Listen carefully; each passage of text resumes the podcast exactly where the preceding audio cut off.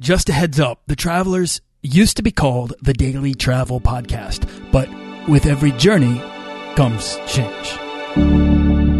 This podcast is produced by Holocene, a community of creative travelers. If you want to get serious about planning that next trip, writing that book, starting that creative project, or launching that business, we're breaking down the barriers between where you are where you want to be together at joinholocene.com. That's join, H O L O C E N E.com. In this episode, part two of my conversation with the Abroaders, Eric Paquette. Do you want to travel further and more often to visit new places and meet new people and expand the role that travel plays in your life? I'm your guide, Nathaniel Boyle, an explorer that wants to help you get out, see the world, and find meaningful, life changing experiences. Everyone wants to be adventurous and have great stories, to do the stuff of legend. This is the Daily Travel Podcast. In yesterday's session, we discussed how Eric Paquette of the Abroaders.com let a desire for freedom and a need for exploration compel him to learn everything there is to know about frequent flyer miles, points, and travel hacking. Uh, today, Eric runs a consultancy teaching his clients how to travel for as close to free as possible. Uh, have a listen to part one if you haven't already, or sit back and enjoy part two of my conversation with the Abroaders, Eric Paquette. Yeah, so maintaining uh, available credit by not overusing cards or just keeping cards open. Uh, that's how you can do that, and also sort of aging your cards a little. I mean, aging your accounts um, mm-hmm. shows that you know. I mean, banks like to see that it reflects well on your credit score. But uh, a lot of these cards, I want to say, all of the ones you've mentioned so far come with an annual fee. Do you pay that annual fee? So here is the fun part, and this is where it gets a little bit more. It, it can be a little bit more effort, but in general, it's it's totally worth it. So last year I earned about six hundred thousand points, and I did that through only six credit card signups. And the wow, reason that good. I earned so many extra points is because I negotiated with banks on my annual fees.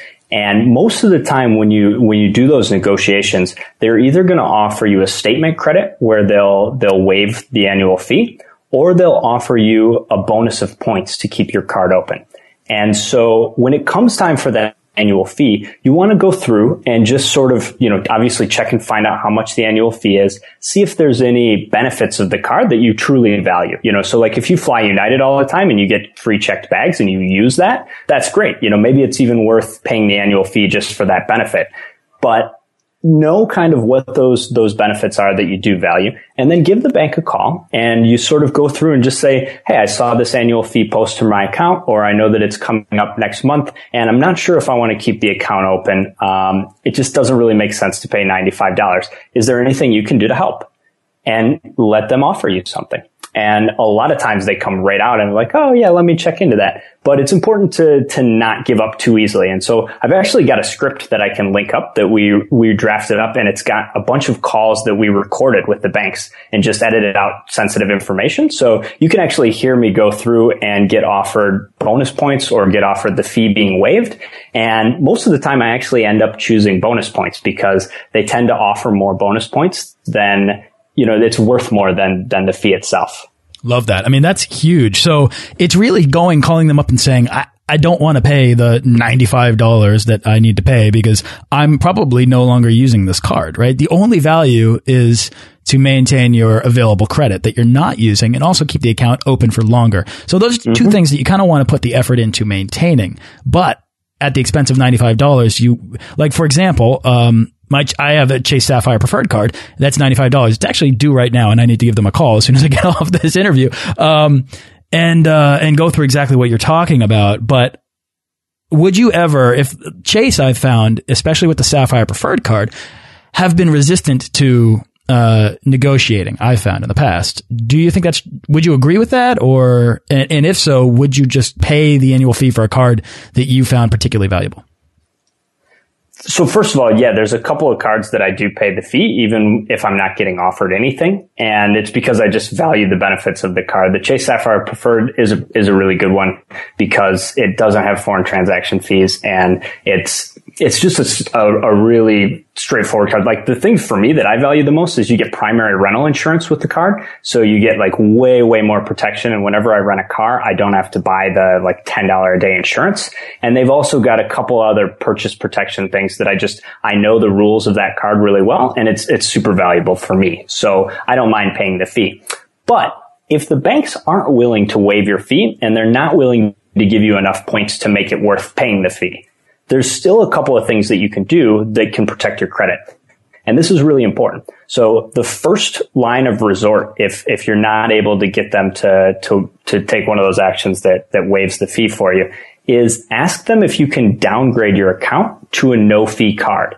A lot of times, if let's take that Chase Sapphire example, maybe you don't value it quite as much and you don't want to pay the fee you might be able to turn that card into a different credit card from Chase. So they might turn it into a no fee Chase Freedom card or something like that.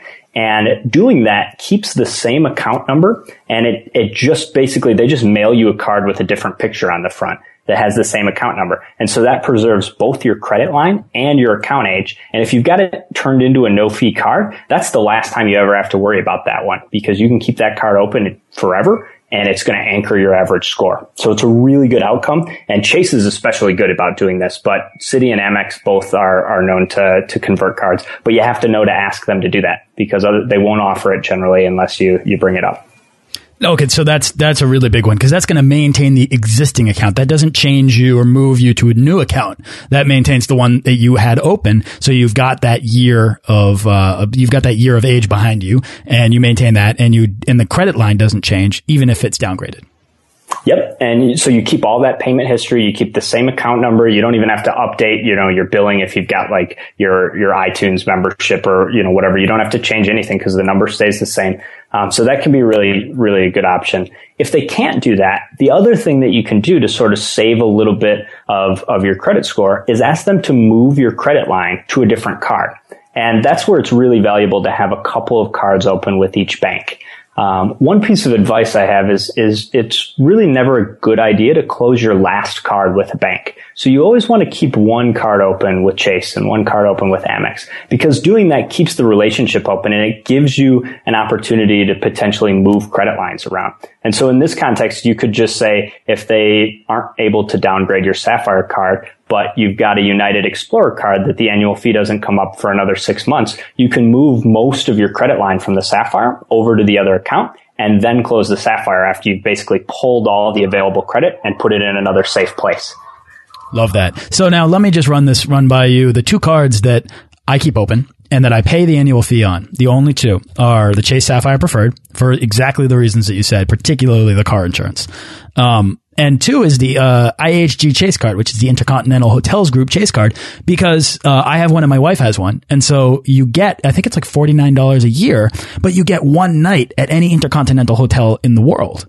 So for the two of us to each have this card, that's $100 a year or $98 a year for a weekend at an Intercontinental Hotel anywhere in the world every year. Yeah to me, yeah, awesome deal. Easily worth it, right? Like, and so it's understanding the benefits of that card that, uh, and uh, up against the, the, the fee price that can really make that decision simple for you.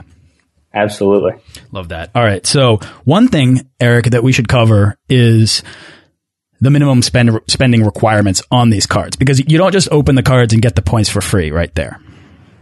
Yeah, in, in most cases you don't. There's actually one pretty cool card right now, the the U.S. Airways Barclays card, uh, that is probably not going to be around for very long. All all indications seem to be that when US Airways and American merge, the card's going to disappear forever. And that's one of the ones that you can get for by paying the $89 annual fee. You can get 50,000 points on your first purchase. So especially for like customers or people that reach out for help that have kind of lower spending, that can be a really good option. If you've got the, the $90, the $89 to pay the fee, uh, you just go to like your convenience store and buy a box of Tic Tacs and you're going to get 50,000 miles. But most cards do have a spending requirement. And the way that it's structured is generally that you'll have to spend 1,000, 2,000, 3,000 in 90 days. That's pretty typical. There's some that can be a lot higher. There's some that are as much as 10,000 in 90 days. Um, and, you know, for beginners, stay, stay away from those cards. You want to, you want to plan out your round of applications and make sure that the first thing that you're looking at is how much you're going to have to spend and how much time you have to spend. And just make sure that fits with your budget because there are some ways to sort of increase your spend by buying gift cards and stuff like that. But I really don't recommend that unless people are, are just really motivated to do it. You know, if you want to learn, there's, there's definitely a lot of people that are succeeding at earning more points by kind of creating spend and, and being able to get some of that money back. But the most sensible way to do this is to just make sure that you're not biting off more than you can chew and just make sure you've got enough spending to, to be able to hit those fees. Absolutely. I mean, you can earn hundreds of thousands of points. Prob most likely, I mean, uh, this is going to vary wildly based on who's listening, and but you can earn uh, hundreds of thousands of miles just by taking your time. I mean, just open one card at a time. Within um, three, four, five, six months, you'll have your next year of travel probably ready to go. Exactly. And I, and so I think that's really important because it paces you to get into this process. Um, Eric, is there anything else that you want to add about this about this this stage or guide people towards the the next uh, the next step? Well, so I think that I mean the the important thing with the earning part is is like like you said to to just take it easy, take it slow, and don't be afraid to reach out for help uh, if you have questions about about how this works. Do you do you want to get into a little bit about uh, what what types of points get you to what places? Or yeah, I'd love that because honestly, I want to uh, I want to infuse anyone listening with what's possible, right? Like the opportunities out there to go to the places that you might be dreaming about going to are it's there. The part, yeah, it really is. The dreaming is. I'm already is excited honestly. All right, so so go ahead and, and break down if you can, if you have a system of doing this, and I imagine you do. Um, break down the um, the the different opportunities that are out there based on the different point currencies that exist. Sure. So first of all, the, the best way to think about it is, is to sort of divide the world into, into regions because most of the, the programs have their pricing for, for different routes set up by which region of the world you're flying to. So you can think of, of Europe generally as, as one region, uh, South America is a region, Asia is a region, Africa is a region, and the Middle East. And so it's public information on the airline's website uh, which which region, uh, what the prices are from the U.S. to each place. And so, a really good thing to do. There's actually a website that uh, Travis from Extra Pack of Peanuts podcast just shared with me. That's called Milez.biz. Oh yeah, and it's M I L E Z. Yep. And that actually aggregates a ton of the prices for different programs. It's not perfect, but it can save you a ton of time of like clicking from Delta's site to United site to Americans and so forth. And the the big picture is you just kind of get an idea of how many miles it costs you round trip to book the, the trip to the place you want. And honestly, right now with one or two card applications, you can get anywhere in the world round trip to economy. And there's also some opportunities where you can do pretty cool things like stop on the way. Uh, so it, with United Miles, you can you can stop in Europe on the way to Asia, and that's an awesome, awesome value because you're getting two trips sort of for the price of one. You're getting the opportunity to, to stop. You can spend time in Europe. Europe's a great place because you can get around without having to fly. So you can use trains and, and it's all pretty small and you can do a kind of a tour in Europe and you've actually got as much as a year to stay in Europe before you move on to the next part of your trip. So it's possible to, to fly the US and, and stop in, in Prague and do a whole Euro tour and then come back to Prague or fly out from a different place entirely in Europe and move on to Asia. Eric, have you done this? I have, yeah. We, uh, AJ and I've done it two years in a row. Actually, we're just, I'm, I'm amazed that the the rules have stayed this way for this long because it's one of the most generous things out there in, in frequent flyer programs. We uh, last year we went out to a conference in in Bangkok and we stopped in in uh, Munich on the way there to do Oktoberfest, and it was just an amazing, amazing trip and it only cost us like $65 each to do it. And that was a flight from Detroit to Munich and then from Munich like two and a half weeks later to Bangkok, and then we flew home from from Ho Chi Minh, Vietnam, and that was all one award ticket. It was only sixty thousand points. I think it's up to sixty five thousand now, but that's if you like have have a dream about doing a round the world trip, United points uh, or Chase Ultimate Rewards points are are a great place to start.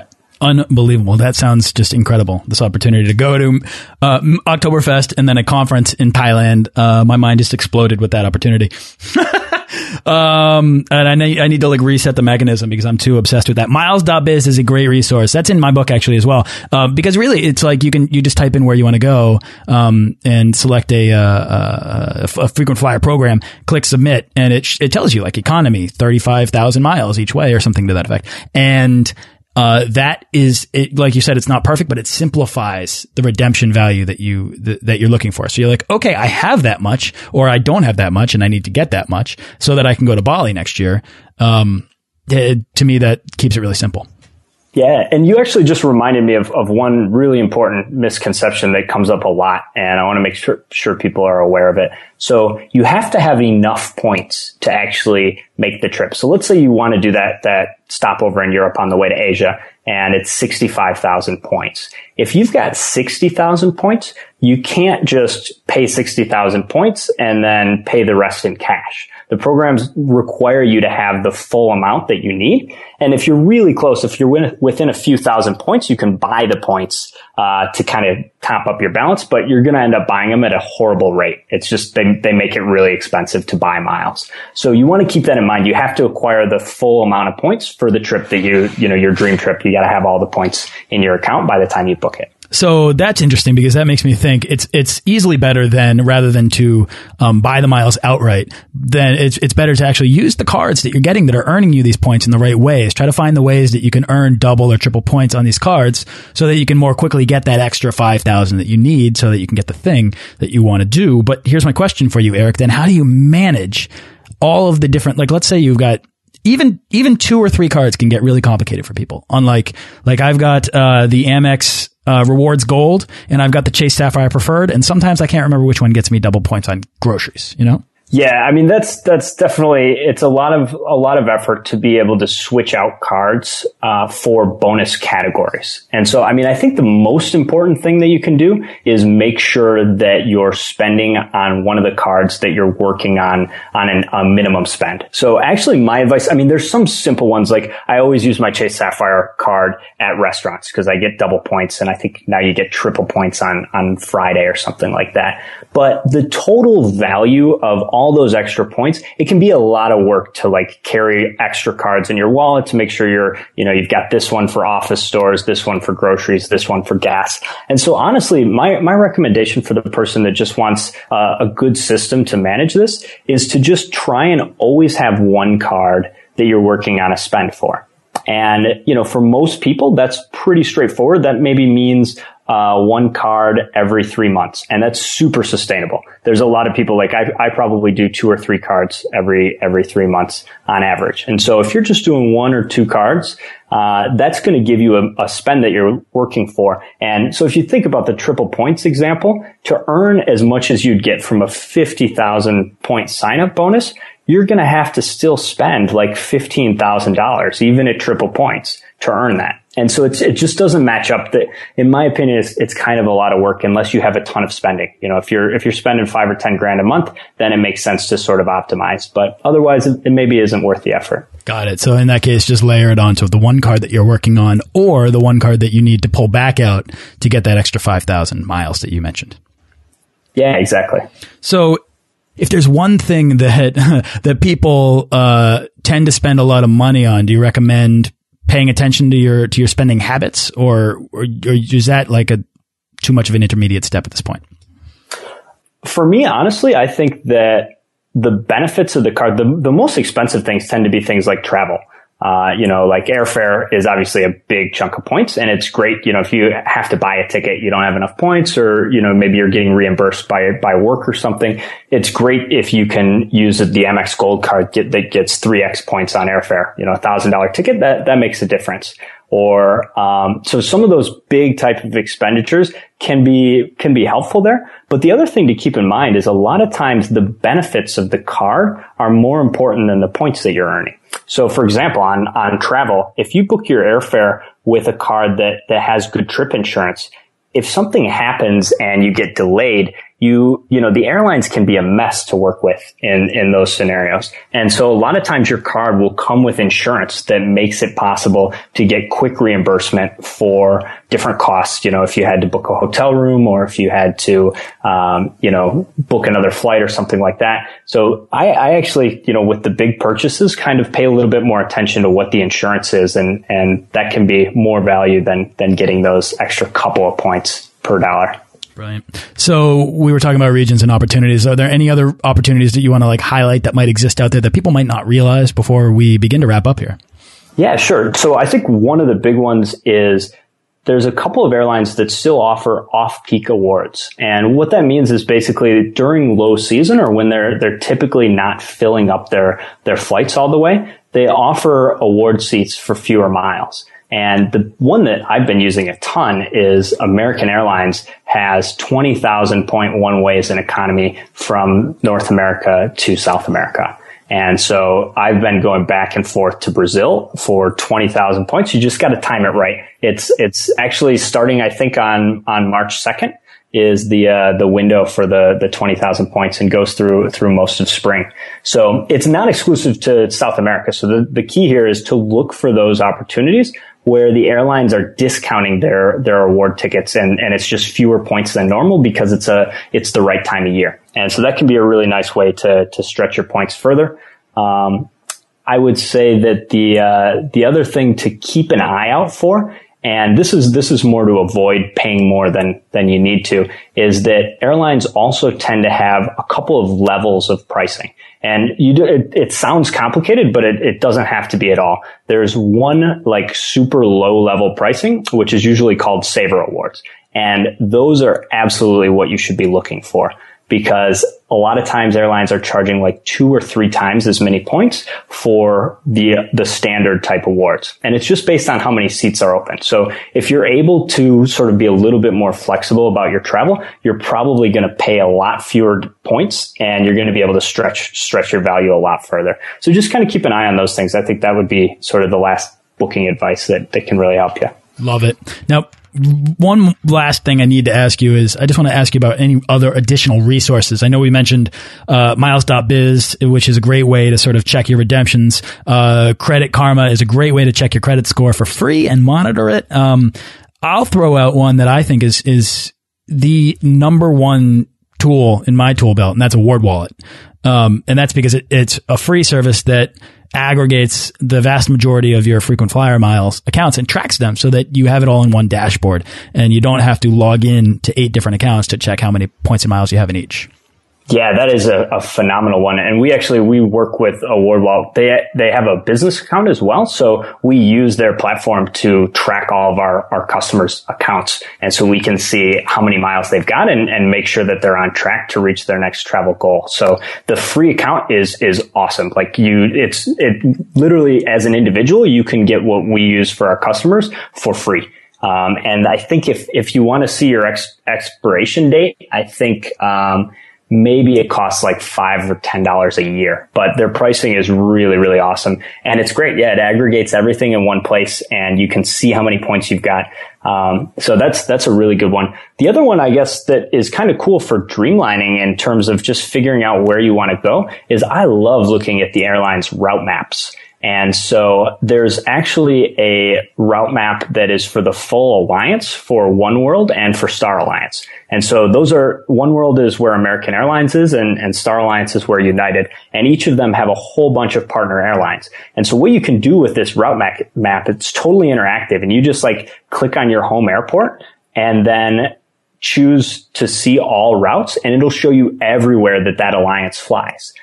And so in general, if you've got United miles, that means you can, you want to go to the, the Star Alliance map and you can just like see all of your options of where you can go. And that's, that's pretty awesome. And it, it takes, it's really, really intuitive. So you just kind of can click and you can also see sort of which airlines fly which routes. So if you're really curious to, to fly a, a specific airline, especially if you're looking for the business class or first class award tickets, that's a really awesome tool as well. You can kind of see like, oh, I've never flown on Singapore. I'd love to try out their, their first class suites or whatever. So once you've got a lot of miles, that can be a, a pretty cool tool for that as well. I love that. Man, Eric, one of the things that, that kind of concerns me whenever I get into points and miles conversations is this idea of it all being very overwhelming for people to listen to, right? Like it's, I think it's one thing when it's all laid out in a guide or a book or something, right? But when you hear people talking about it, it's like, oh my God, I want to do all of that. But whoa, where do I start? And I honestly, just wanted to say clearly you've been podcasting about this because you're eloquent on the topic. You know what to say. You break it down simply. Um, I've got it organized in my head. Uh, so I really appreciate that uh, about you and what you've brought to the table today. Oh, well, thank you. It's, it's definitely, you know, try not to, if you're listening to this and you do feel overwhelmed, uh, it's, it's totally understandable. You, there's a bit of a learning curve, but it is out there for you to, for you to gain this knowledge. And so, you know, definitely check out Nathaniel's guide. There's a lot of great free resources out there to kind of get a foothold and, and take your time, you know, do it step by step. It's okay to make mistakes. It's like business. It's like love. It's like life. You, you know, you're not going to destroy yourself if you take it, take it easy and, you know, try and learn this. So don't be afraid to jump into it because the, the payoff is huge and you're, you're opening up some incredible opportunities for yourself. Eric, what's exciting you the most right now? Where's your next trip or what's your next project? I'm so excited to be here in Brazil. Uh, this is the first time that I've I've really planned to to stay long term in Salvador. I've been here just a couple of times, and this city is so cool. The people are extremely friendly. They're just like I've I've already made like friends with like five people on the on the little side street on the way to the grocery store. Um, so I'm like really happy to be here. We're uh, we're working on launching a, a web application that's going to to help us manage and track credit cards, and so we're kind of working on some exciting stuff with that. Um, so Abroaders has been has been really fun, and I'm just I'm like really in the moment right now. Uh, not, not really looking forward to anything, but but keeping doing what I'm doing. I love that. I mean, I hear the excitement in your voice. It's so uh, palpable. Uh, where can people go if they're liking everything they're hearing to find out more about you, Eric, and more about the Abroaders? Yeah, so I, the best way, honestly, is to just check out abroaders.com. Um, we also have a free consultation linked up on the website. So oh, nice. if you want to talk over this, and we will literally call you, it's going to be AJ or I that will give you a call and uh, we'll talk it over with you. Tell us where you want to go. Tell us, you know, what kind of points you've have. And that's been an awesome experience because every time we have one of those calls, we're learning more about kind of where people are getting stuck, what they're afraid of, and, you know, ultimately it, it can be a really good tool for us and definitely we can help point you in the right direction. So don't be afraid to take advantage of that. We'd love to, to talk with you. Mm, definitely take advantage of that. Are you kidding me? Like just to be able to get and sit here and talk with you about some of the stuff uh, has been great. It's been a validation of what I've already kind of known, but also a learning lesson. I picked up a few tips here. So, um, give these guys a call over at theabroaders.com. Uh, Eric Paquette, thank you so much for coming on the show, man. It's been really great to get to know you here. Yeah, thank you for having me, man. It's been a true pleasure. If you like today's interview and want to learn more about getting started in points and miles to travel the world for as close to free as possible, then get my book, The Beginner's Guide to Points and Miles, completely free at dailytravelpodcast.com. It can be overwhelming to find the best ways for you to earn and redeem. My book breaks it down for you with systems and habits you can apply to get started. Cost is the number one barrier preventing more people to travel. Let's crush that together at dailytravelpodcast.com. Thanks for listening to this episode of the Daily Travel Podcast. For show notes and links to everything in this episode and more, head on over to dailytravelpodcast.com. Join our Facebook page of explorers and subscribe to our newsletter for the best deals and resources to help make your next trip life changing.